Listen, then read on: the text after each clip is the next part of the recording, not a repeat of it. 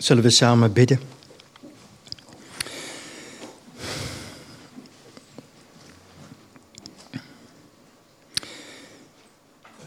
O Vader in de hemel, wat is het kostbaar als we zo kunnen zingen met elkaar. U bent mijn doel. U bent mijn doel. U bent mijn hartsverlangen. En Vader, we willen u zo danken dat we u zo mogen ontmoeten. Vanmorgen samen voor uw aangezicht mogen komen. Om u te aanbidden. Om u te danken. Om te smeken, om te vragen. Om u te prijzen. We willen u zo danken, Heere God, dat u onze God bent en onze Vader. Ons hebt opgezocht in onze verlorenheid. En dat we ook mogen zingen, mochten zingen, mogen zingen ik ben uw kind. Heer, dat we van u zijn geworden, dat we uw eigendom zijn geworden. We bidden u zo, Vader, als we vanmorgen uw woord echt open doen, dat u het bent die daardoor tot ons spreekt, dat u onze hart echt uh, openmaakt om te ontvangen wat u wilt geven. We willen geen woorden van mensen, maar we willen uw woord tot ons hart laten doordringen en onze levens laten beïnvloeden en veranderen. Vader, we danken u dat we in dit land in vrijheid uw woord nog mogen lezen en verkopen, verkondigen en uitdelen. We prijzen en we danken u zo in Jezus' naam. Amen. Ik lees met u een aantal versen uit 1 eh, Petrus, die u misschien ook al zelf gelezen hebt in voorbereiding naar vanmorgen.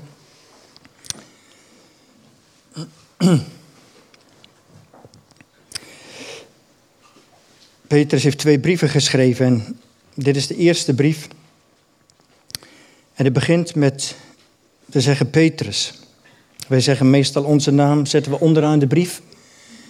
Maar hij begint met Petrus en laat zien en zegt wie hij is en vanuit welke autoriteit hij schrijft.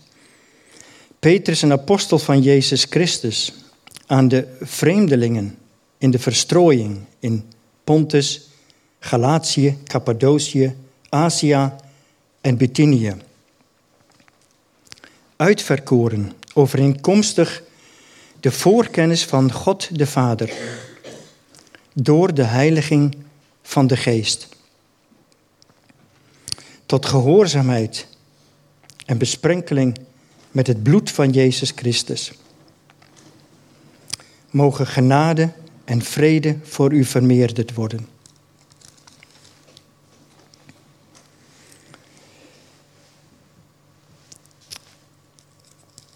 En dan in 2 Petrus,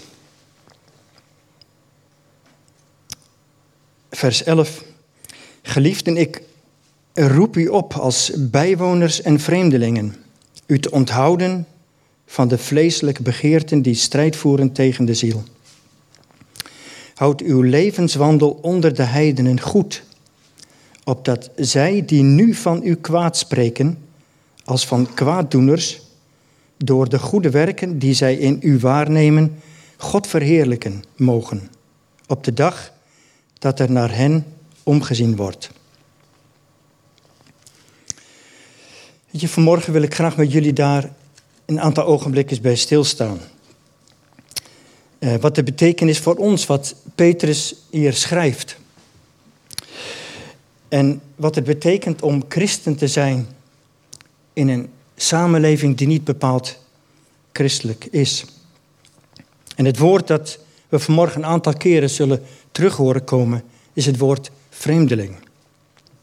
Ik weet niet of je je wel eens als een soort vreemdeling gevoeld hebt. Of dat je wel eens het gevoel hebt dat je ergens bent en niet helemaal je thuis voelt.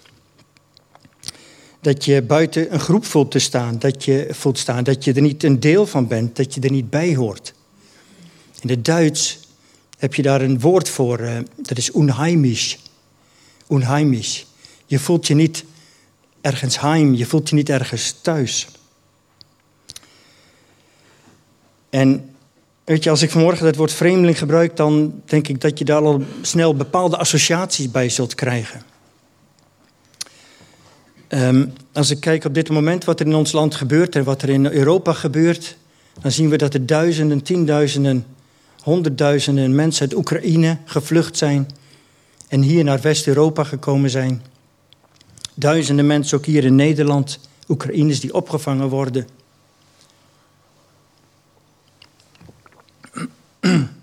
En ze komen hier als vreemdelingen. Ze komen in een land dat ze niet kennen. Mensen die vreemd zijn, gewoontes die vreemd zijn, eten wat vreemd is. En ze moeten hier maar een plaats zien te vinden. Je kunt vreemdeling zijn als je in het. In, in, sommigen van ons hebben in het buitenland gewoond een tijd. Dan kun je ook uh, vreemdeling zijn. Je kent daar de mensen niet en je moet je aanpassen. De een kan het beter dan de ander. En omgekeerd zijn de mensen hier in ons midden die vanuit een ander land zijn gekomen. En die zich in het begin vreemdeling zullen hebben gevoeld. En dan heb je een tijd nodig om je eigenlijk ja, aan te passen en, en deel te worden van een samenleving. Het kan ook zijn dat je, zeg maar, eh, vreemdeling bent, gewoon je heel vreemd voelt als je in een nieuwe baan begint. Of een nieuwe school of een nieuwe opleiding. Of in een groep zit waar je eigenlijk in het begin helemaal misschien vreemd voelt, ook als jongere. Je gaat naar een andere school of je doet een andere studie. Dan kun je als het ware je gewoon niet thuis voelen, een vreemdeling voelen. Nou, Petrus die schrijft deze brief aan mensen die die ervaring hebben dat ze echt vreemdelingen zijn in het land en in de samenleving waarin ze wonen. En, ik, en hij schrijft dan, hij, zegt, zijn, hij schrijft zijn brief aan de vreemdelingen in de verstrooiing. Petrus is op dit moment dat hij dit schrijft, zit hij uh, in Rome, zo wordt algemeen aangenomen. Waar hij de laatste jaren van zijn leven heeft doorgebracht. En hij schrijft aan die gelovigen uh, daar in, uh, in, in die streek daar, wat het huidige Turkije is. Ik heb een kaartje meegenomen vanmorgen. En dan schrijft hij daar aan die gelovigen die hij kent, die hij gediend heeft. Die die, waar hij het evangelie verkondigd heeft. En um, waar hij dus een relatie mee heeft uh, met die mensen. Ik weet niet of we die kaart kunnen laten zien. Dan zie je dus het huidige Turkije, het land waar in het begin van deze week die verschrikkelijke aardbeving heeft plaatsgevonden. In het noorden van Syrië. En dit is een kaart zoals uh, zeg maar in die tijd eigenlijk de benamingen waren, ook van de streken. Um, de namen die we net gelezen hebben, de Cappadocië. Een naam die nog steeds daar ook gehanteerd wordt, waar je als toerist naartoe kunt gaan. Ik zou dat op dit moment niet doen, maar. Dus die naam die wordt nog steeds. Uh, Pontus is ook nog zo'n naam die nog steeds daar gebruikt wordt. Bithynië, Azië. Ik weet niet of jullie het kunnen lezen. Azië staat erboven. Galatië. Cappadocië. En dat zijn de, daar zitten de christenen aan wie Petrus deze brief schrijft. En die zitten daar verspreid. Ze zijn daar verstrooid. Ze wonen overal, wonen groepen christenen die daar samenkomen. En Petrus schrijft hen. Hij schrijft hen om ze te bemoedigen, om ze troost te geven. En hij schrijft vreemdelingen. Hij schrijft aan vreemdelingen. Drie keer gebruikt hij die uitdrukking vreemdelingen. Direct al in het begin, het eerste,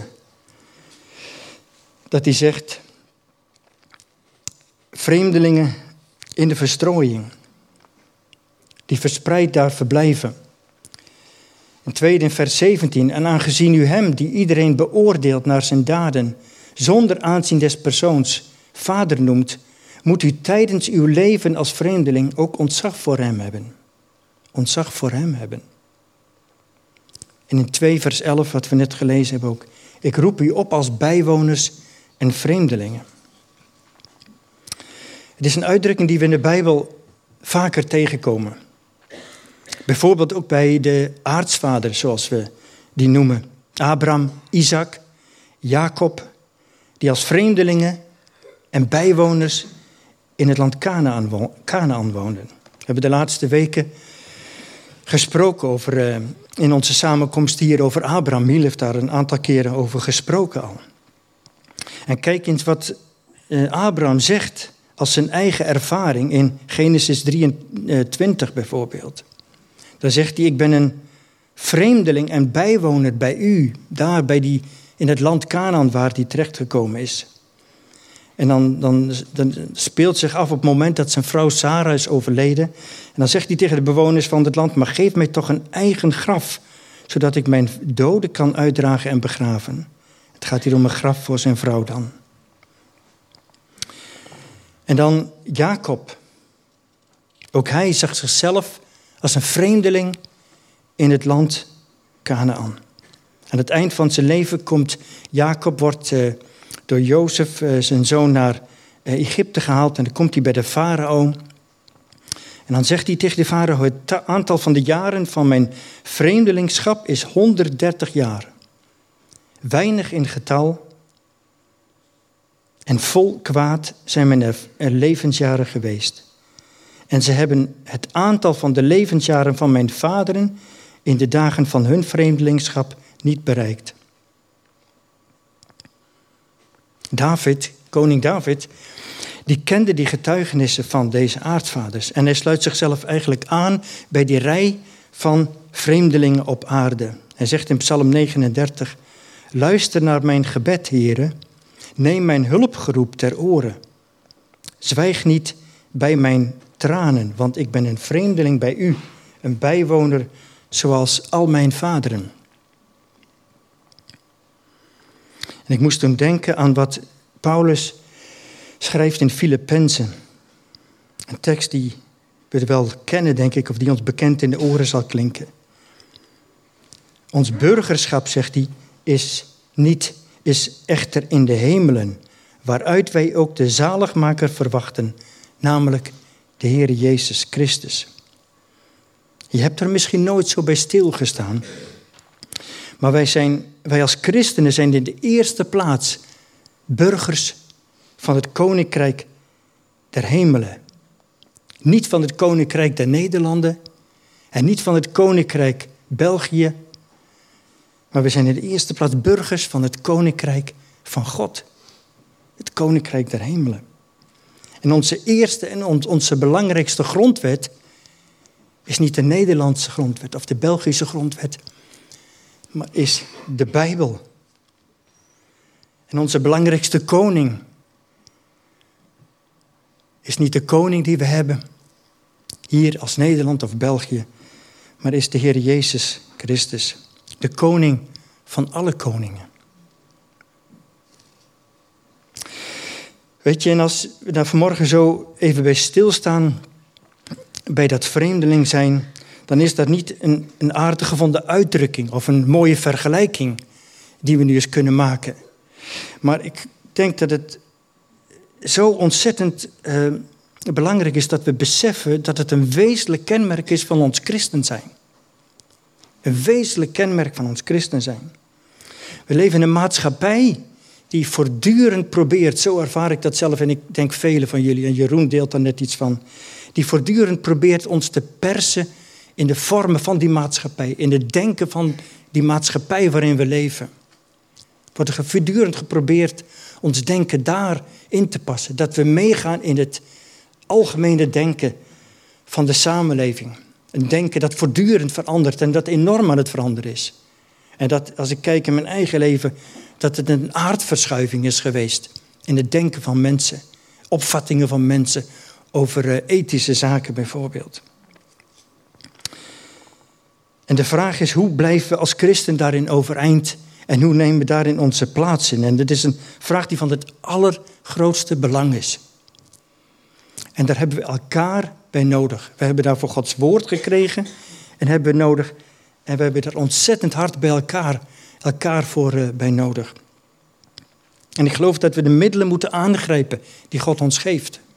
Iedere zondag worden we hier gezegend met uh, de prediking vanuit Gods woord. En we komen samen in onze huiskringen. Om daarover door te spreken en over door te denken. En elkaar te helpen om dat handen en voeten te geven in ons leven van alle dag. En ik wil nog eens echt het belang daarvan benadrukken. Ik denk dat niet iedereen dat belang nog echt ten volle ziet. Hoe belangrijk het is dat we elkaar opbouwen. En dat doen we in die kringen als we samenkomen. Daar ervaren we de gemeenschap met elkaar. Daar bidden we samen, daar zingen we samen.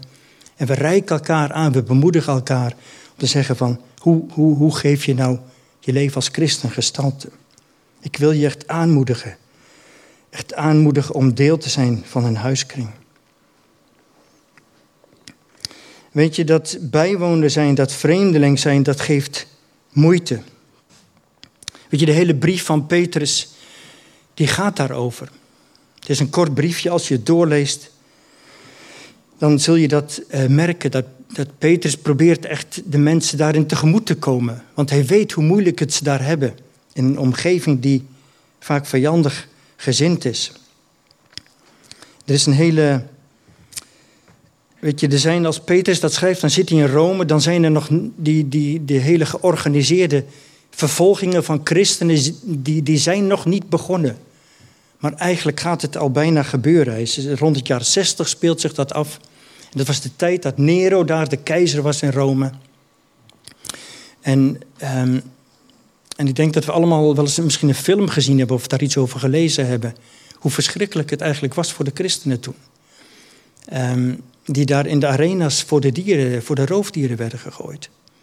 Ehm, of als levende fakkels in Rome werden gebruikt. Je kunt het je niet voorstellen. Um, maar dat is verschrikkelijk. En er is al een enorme onderstroom van, van sociale druk en pressie op de christenen. In het begin uh, werden ze nog geaccepteerd en werden ze gezien als een, een, een deel van, de, van, de Joodse, van het Joodse geloof. En, en, en werd gedacht, oké, dat is een stroming in die Joodse secte daar in Israël. Maar langzamerhand werd het duidelijk, want de christenen kwamen overal en zaten zelfs aan het hof van de keizer. En uh, men realiseerde zich dat ze een gevaar werden. Een gevaar voor het Romeinse Rijk. En waarom werden ze gevaar? De reden was dat de christenen zeiden: wij kennen en wij erkennen maar één Heer. En dat is Jezus Christus.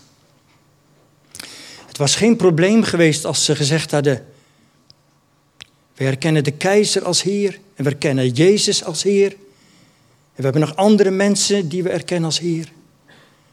Als ze dat gezegd hadden, was er geen probleem geweest. Maar de beleidenis van de eerste christenen was: er is maar één Heer voor wie wij buigen en voor wie wij knielen en die we aanbidden. En dat is Jezus Christus. En dat bracht een grote sociale druk mee voor de christenen.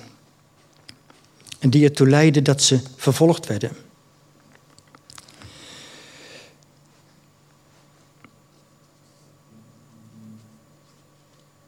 Weet je, ik las deze week dat in, de, in Eritrea werden, zijn um, 44 christenen werden opgepakt zaten in een huissamenkomst, of in een kleine samenkomst.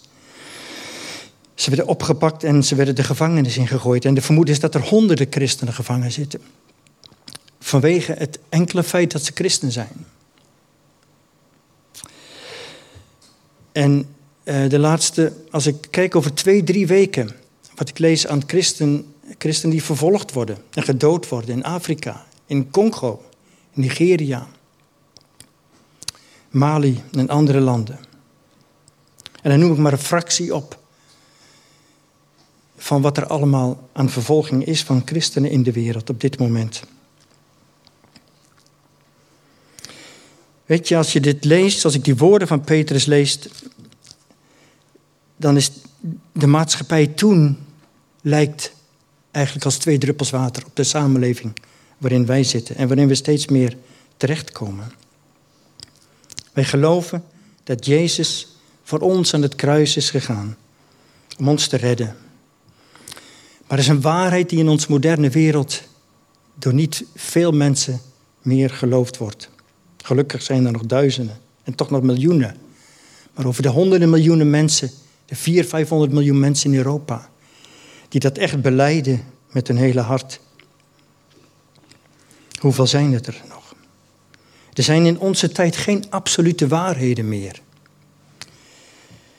Behalve deze ene absolute waarheid dat Jezus Christus niet de absolute waarheid mag zijn. Dat is waar we in onze tijd in terechtgekomen zijn. Maar dat was de eerste christelijke beleidenis. Jezus Christus is Heer. En weet je, ik voel me ook, en het lijkt wel steeds vaker, voel ik me een vreemdeling in mijn eigen land. Ik voel me een vreemdeling in mijn eigen land. Ik las een paar dagen geleden dat de minister van Onderwijs in ons land uh, bezig is om um, uh, met uitgevers te zeggen dat ze de inhoud van hun boeken moeten veranderen waar het gaat om seksuele voorlichting op scholen. Want er zijn nog te veel boeken die van de traditionele opvatting uitgaan. Dat bijvoorbeeld een huwelijk een verbintenis is, een unieke levenslange verbintenis tussen één man en één vrouw. En onze overheid vindt dat de normen die tegenwoordig gelden in de boeken voor onze kinderen ook verwerkt moeten worden. Dat seksuele immoraliteit de norm is eh, aan het worden en geworden is in ons land. Ik eh, lees deze week dat de president van Frankrijk in het Europese parlement een pleidooi voert voor het recht op abortus. Ik voel me een vreemdeling in dit werelddeel, in dit land. En ik lees dat op, achter de schermen op verschillende ministeries gewerkt wordt om abortus in ons land tot een mensenrecht te maken. Ik voel me een vreemdeling weet je, in mijn eigen land. Weet je, het is als Petrus schrijft aan die vreemdelingen de verstrooiing, dan, dan, dan typeert hij dat levensgevoel. Je bent ergens, maar je hoort er niet bij. Je kunt daar geen deel aan hebben, omdat je anders bent. Omdat je geloof nooit een privézaak is. Omdat je geloof gevolgen heeft en zichtbaar wordt in wie je bent en hoe je leeft en welke keuzes je maakt. Je past niet meer naadloos in de patronen van deze samenleving. Je kunt niet met alle winden meewaaien. En dat heeft iets ongemakkelijks. Dat heeft iets ongemakkelijks. Weet je, het is begrijpelijk dat, dat, je als, dat wij mensen, dat je probeert manieren te bedenken om aan dat ongemak te ontsnappen, om daaraan te ontkomen. Er zijn eigenlijk twee manieren waarop we als ehm, christenen, denk ik ook, in de verleiding komen om te reageren. Je bent vreemdeling, je hoort er niet bij. En hoe ga je daar dan mee om? De eerste eh, reactie kan zijn dat we ons afzonderen. Dat je zegt, ik bemoei me daar niet mee met die samenleving. Ik hou me daar verre van. Doe er niet aan mee. En je sticht een soort eigen, hele tegencultuur, een eigen bubbel, een eigen groep. En zegt van daar, daar voel ik me goed, daar voel ik me veilig. Ik vind zo'n voorbeeld bijvoorbeeld, in Amerika heb je de Amish. Dat zijn christenen die zich echt afzonderen van de wereld en van de maatschappij. En op die manier proberen echt, zeg maar, zuiver te blijven staan in het geloof. Dat, dat is een reactie, denk ik, op, op een samenleving die niet met God rekent en niet met God wil rekenen. Een andere reactie kan zijn dat je gaat aanpassen. Je kunt je afzonderen, maar je kunt je ook gaan aanpassen. En je probeert op die manier het ongemak eigenlijk te ontwijken. Door de scherpe kantjes van het christen zijn af te halen water bij de wijn te doen. Je wilt vooral niet te moeilijk doen. Je wilt geen gedoe hebben. En je bent al snel geneigd om met de stroom mee te gaan. Je te voegen naar wat de meeste andere mensen om je heen zeggen. En doen. En je weet wel dat het eigenlijk anders zou moeten. Maar ja, je wilt niet. Uh, je wilt ook het feestje niet verpesten. Het is de houding van de chameleon, een prachtig dier dat eigenschap heeft om zich aan te passen aan de omstandigheden en, de kleur van zijn omgeving.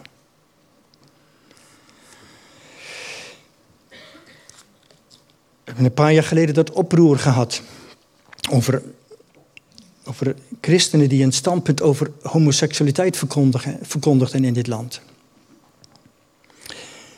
En het gaf een hoop gedoe, zelfs de minister-president ging daar uitspraak over doen.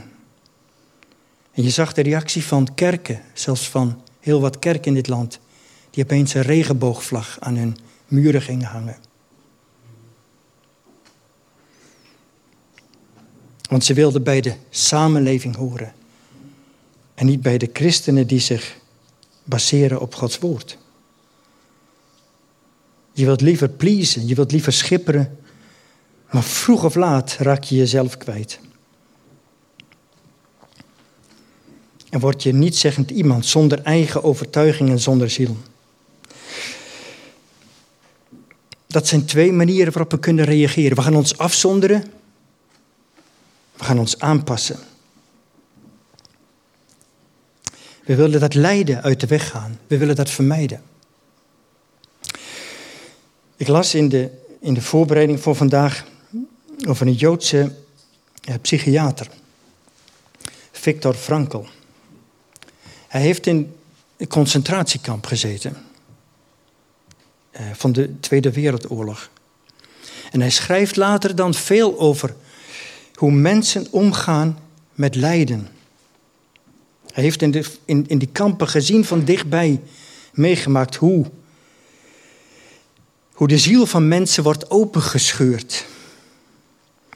En opeens zichtbaar wordt en openvalt bij zeg, wat en wie, mensen diep van binnen kunnen zijn en kunnen worden. Maskers vallen af, alle schone schijn wordt opgeheven. Zoals we daar nu iets van zien, af en toe op de televisie, van die verschrikkingen daar in de oorlog in de Oekraïne.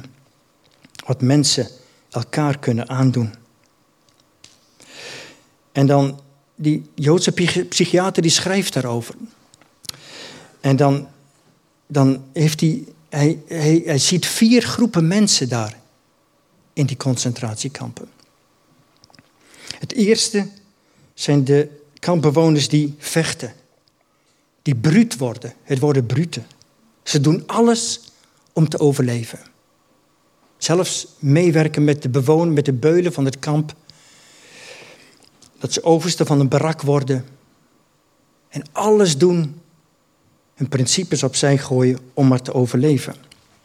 Er is een tweede groep, dat zijn de mensen die vluchten, als het ware. Ze geven het al heel snel op.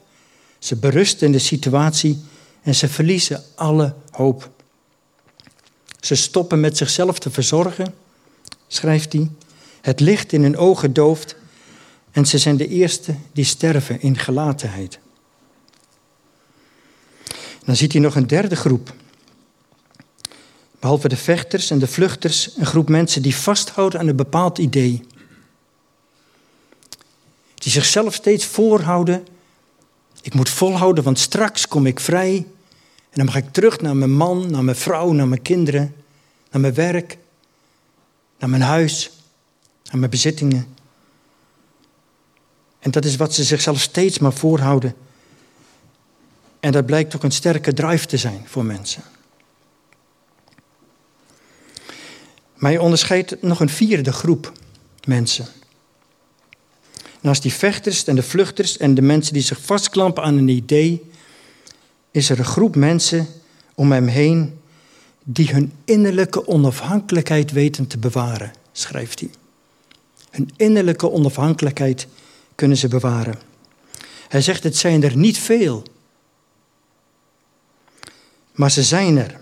Mensen die in die hel op aarde eerlijk blijven en rechtvaardig. Ze hebben een innerlijke onafhankelijkheid die niet kan worden stuk gemaakt door de chaos om hen heen.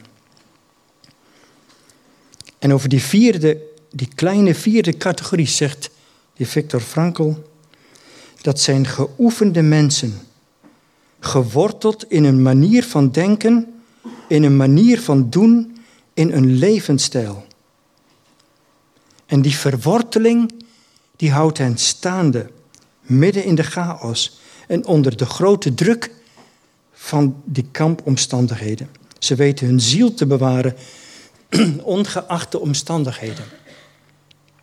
Toen ik dat las, toen moest ik denken aan Corrie ten Boom. Aan Corrie ten Boom en haar zus Betsy.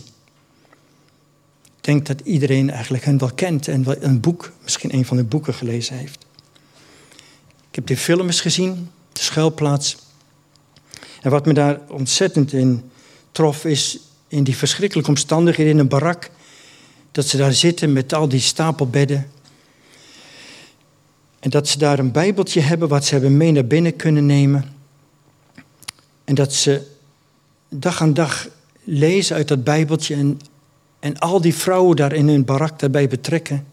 En met hen spreken over de liefde van God. En de vergeving die er is in Jezus Christus. Onvoorstelbaar. Onvoorstelbaar. Heel aangrijpend. Heel aangrijpend. En Betsy, de zus, zus van Corrie ten Boom, die sterft dan in, in dat kamp. En Corrie ten Boom overleeft en we kennen dat verhaal. Dat ze na de oorlog eigenlijk de hele wereld overgaat om het evangelie te verkondigen. Hoe bewaar je je ziel ook in moeilijke omstandigheden? Je hoeft geen bruut te worden om te overleven. Je hoeft niet de moed te verliezen. Je hoeft ook niet krampachtig vast te houden aan een bepaald idee. Petrus geeft ons een andere weg, al meteen, meteen in die eerste versen van deze brief. Er is een zekerheid in God die jou en mij kan doen standhouden. Dat is wat doorklinkt in die eerste versen van deze brief. Petrus, een apostel van Jezus Christus. Aan de uitverkorenen schrijft hij. Aan de uitverkorenen. Door God de Vader voorbestemd om, geheiligd door de Geest, gehoorzaam te zijn aan Jezus Christus. En met zijn bloed besprenkeld te worden. We worden aangesproken als uitverkoren vreemdelingen. Door God de Vader voorbestemd om, geheiligd door de Geest, gehoorzaam te zijn aan Jezus Christus en met zijn bloed besprenkeld te worden. Het fundament, het fundament onder ons wankele bestaan, ligt buiten onszelf. In de keuze die God gemaakt heeft om voor ons te zijn. Niet tegen ons te zijn, maar voor ons. Stefan heeft pas geleden gesproken daar het uitverkoren zijn. En hoe bijzonder dat is. Hier staat het uitverkoren overeenkomstig. De voorkennis van God. Een keuze die de Heer God gemaakt heeft in Jezus Christus. Met zijn bloed heeft uh, bezegeld. En door zijn geest als een stempel op ons hart eigenlijk zet. Ik hoef mijn identiteit niet te vormen door ergens anders me tegen af te zetten. Ik hoef mijn identiteit ook niet te vestigen door over anderen heen te walsen. Ik hoef mijn identiteit ontleen ik ook niet aan de goedkeuring van andere mensen. Maar mijn identiteit vind ik in de drie enige God. Zo schrijft Petrus dat hier. Daar ligt mijn identiteit, daar ligt mijn fundament, daar ligt mijn houvast. De Vader die mij riep. Jezus Christus die voor mij stierf en die ik volg en de geest die mij bewoont en die mij vernieuwt. Als dat mijn denken steeds meer vervult, dan zijn we van die geoefende, gewortelde mensen waar de Joodse psychiater in dat concentratiekamp over schreef. En zulke mensen zijn er in alle tijden geweest. Dat is zo bijzonder. Ik wil u. Ik wil u een gedeelte voorlezen uit een brief. En dan, en dan daarna ook afsluiten. Ik wil u een gedeelte voorlezen uit een brief. Dat is een brief uit de tweede eeuw.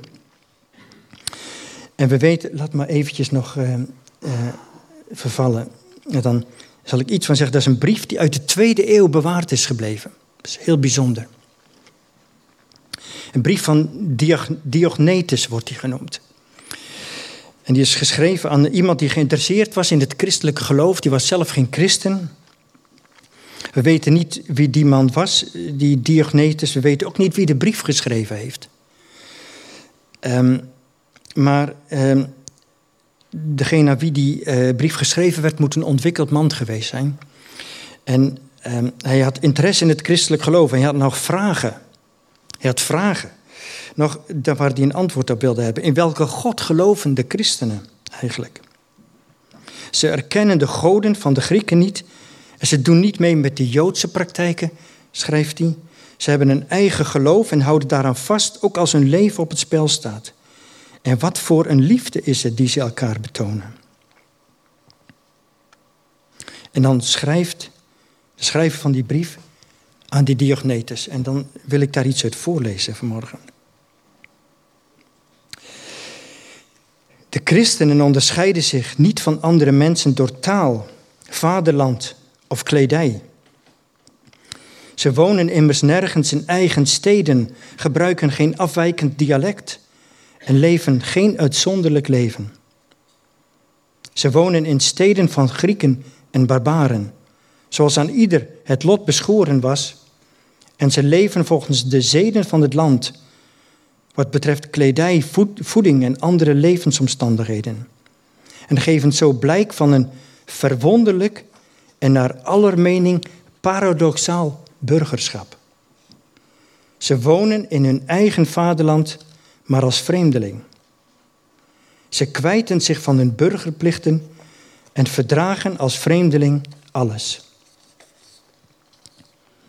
Ieder vreemd land is hun vaderland. En ieder vaderland is een vreemd land. Ze trouwen als ieder ander, maar leggen hun kinderen niet te vondeling. Ze delen hun tafel, maar niet hun bed. Ze leven in het vlees, maar niet naar het vlees. Ze wonen op aarde, maar zijn thuis in de hemel. Zij gehoorzamen de heersende wetten, maar overtreffen ze in hun eigen leven. Ze hebben iedereen lief en worden door iedereen vervolgd. Ze worden miskend en veroordeeld. Ze worden gedood en ten leven gewekt. Ze zijn arm als bedelaars, maar maken velen rijk. Ze hebben aan alles gebrek, maar leven in overvloed. Ze zijn in de wereld, maar niet van de wereld.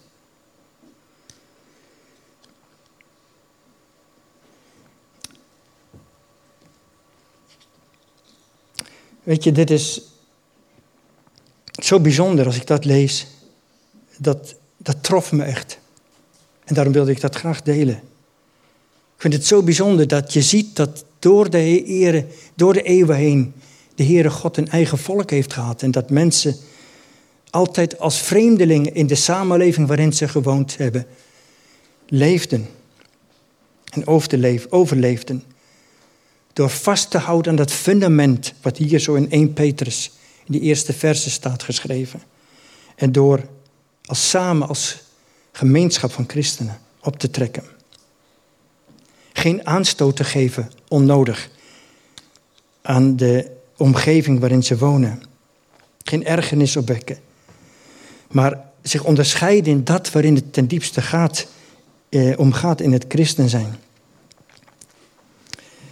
Door liefde en door volharding, met respect met de medemens omgaan, ook als die jou belastert of beschimpt of uitlacht om je geloof. Ik wil nog een klein stukje van die brief laten zien. Hij schrijft nog iets over de Heer Jezus.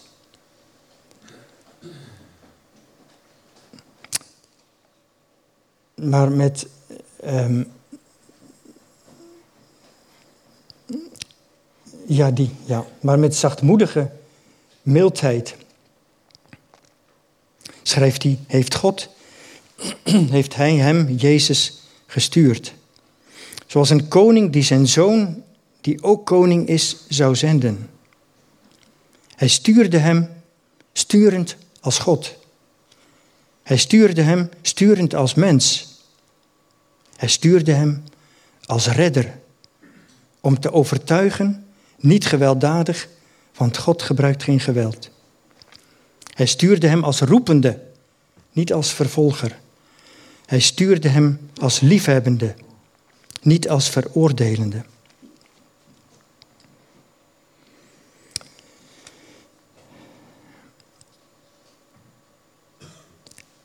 Weet je, als Johannes schrijft dat Jezus naar deze aarde komt, dan zegt hij, hij kwam tot het zijne en de zijne hebben hem niet aangenomen.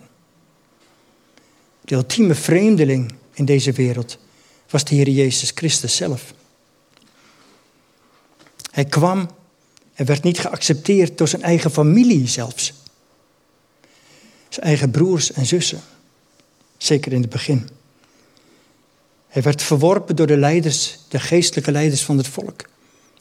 Hij werd verworpen door veel mensen toen ze voor de keus stonden: wie moet ik vrijlaten bij Pilatus? Ze kozen ervoor dat hij gekruisigd moest worden. Maar Jezus trok zich niet terug. Hij ging voor jou en voor mij. Die weg naar het kruis. Omdat God ons op het oog had. In Jezus Christus. Ons had uitgekozen. Daarom ging hij die weg. En schaamde hij zich niet voor zijn vreemdeling zijn, schaamde hij zich niet voor ons. Weet je, we zijn als christenen in dit land een minderheid. Ik denk dat we het altijd geweest zijn. Maar er was een tijd dat we macht en invloed hadden in de politiek. En we kunnen in de verleiding komen om ons terug te trekken. Op ons eigen veilige terrein. Maar dat is niet de bedoeling. Wat de schrijver van deze brief zegt, die we net gelezen hebben. Maar ook wat Peters ons zegt. Christenen dienen maximaal in de wereld te participeren om waar het maar kan Jezus Christus zichtbaar te maken. In ons leven, in ons handelen. Weet je, de vraag die ik voor mezelf eigenlijk heb opgeschreven en ook aan jullie voorleg. Herken ik daar iets van in mijn eigen leven? Dat ik een vreemdeling ben. Op de plaats waar je woont, de plaats waar je werkt. Naar je buren, naar je familie misschien. Naar je medeleerlingen in de klas, of je medestudenten, of je collega's. Waar in mijn leven kom ik dat ongemak, die pijn, dat anders zijn, kom ik dat tegen en voel ik dat? En hoe ga ik daar dan mee om? Trek ik me terug en zoek ik alleen maar mijn gelijkgestemde op? Of ben ik geneigd om me aan te passen aan Jan en alle man, aan mijn omgeving? Of kan ik het vreemdeling zijn verdragen? Omdat ik zelf echt voldoende ben geworteld, geworteld ben, mijn identiteit vind in wie ik mag zijn voor God in Christus Jezus. En dat het bepalend is voor hoe Hij naar mij kijkt. Ik sluit af met die versen waar we ook mee begonnen zijn. Geliefden, zegt Petrus, ik roep u op als bijwoners en vreemdelingen, u te onthouden van de vleeselijke begeerten die strijd voeren tegen de ziel. Houd uw levenswandel onder de heidenen goed, opdat zij die nu van u kwaad spreken als van kwaaddoeners, door de goede werken die zij in u waarnemen, God verheerlijken mogen op de dag dat er naar hen wordt omgezien. Vader in de hemel, we willen u zo danken dat u ons laat zien. Laat zien deze brief gegeven hebt en laat zien hoe we als kinderen van u mogen leven in deze tijd. Waarin we vaak die druk ervaren. Door wat we lezen en horen en zien. En soms ook direct van de mensen in onze omgeving. Maar Heer, u geeft ons, u reikt ons aan wat we nodig hebben. U heeft ons uw woord gegeven. En u heeft ons aan elkaar gegeven. En u bent het die ons hoofd bent, naar wie we ons richten en naar wie we willen luisteren. Vader, we willen u zo danken voor de rijkdom van uw woord, voor uw heilige geest en voor de liefde van God de Vader. Amen.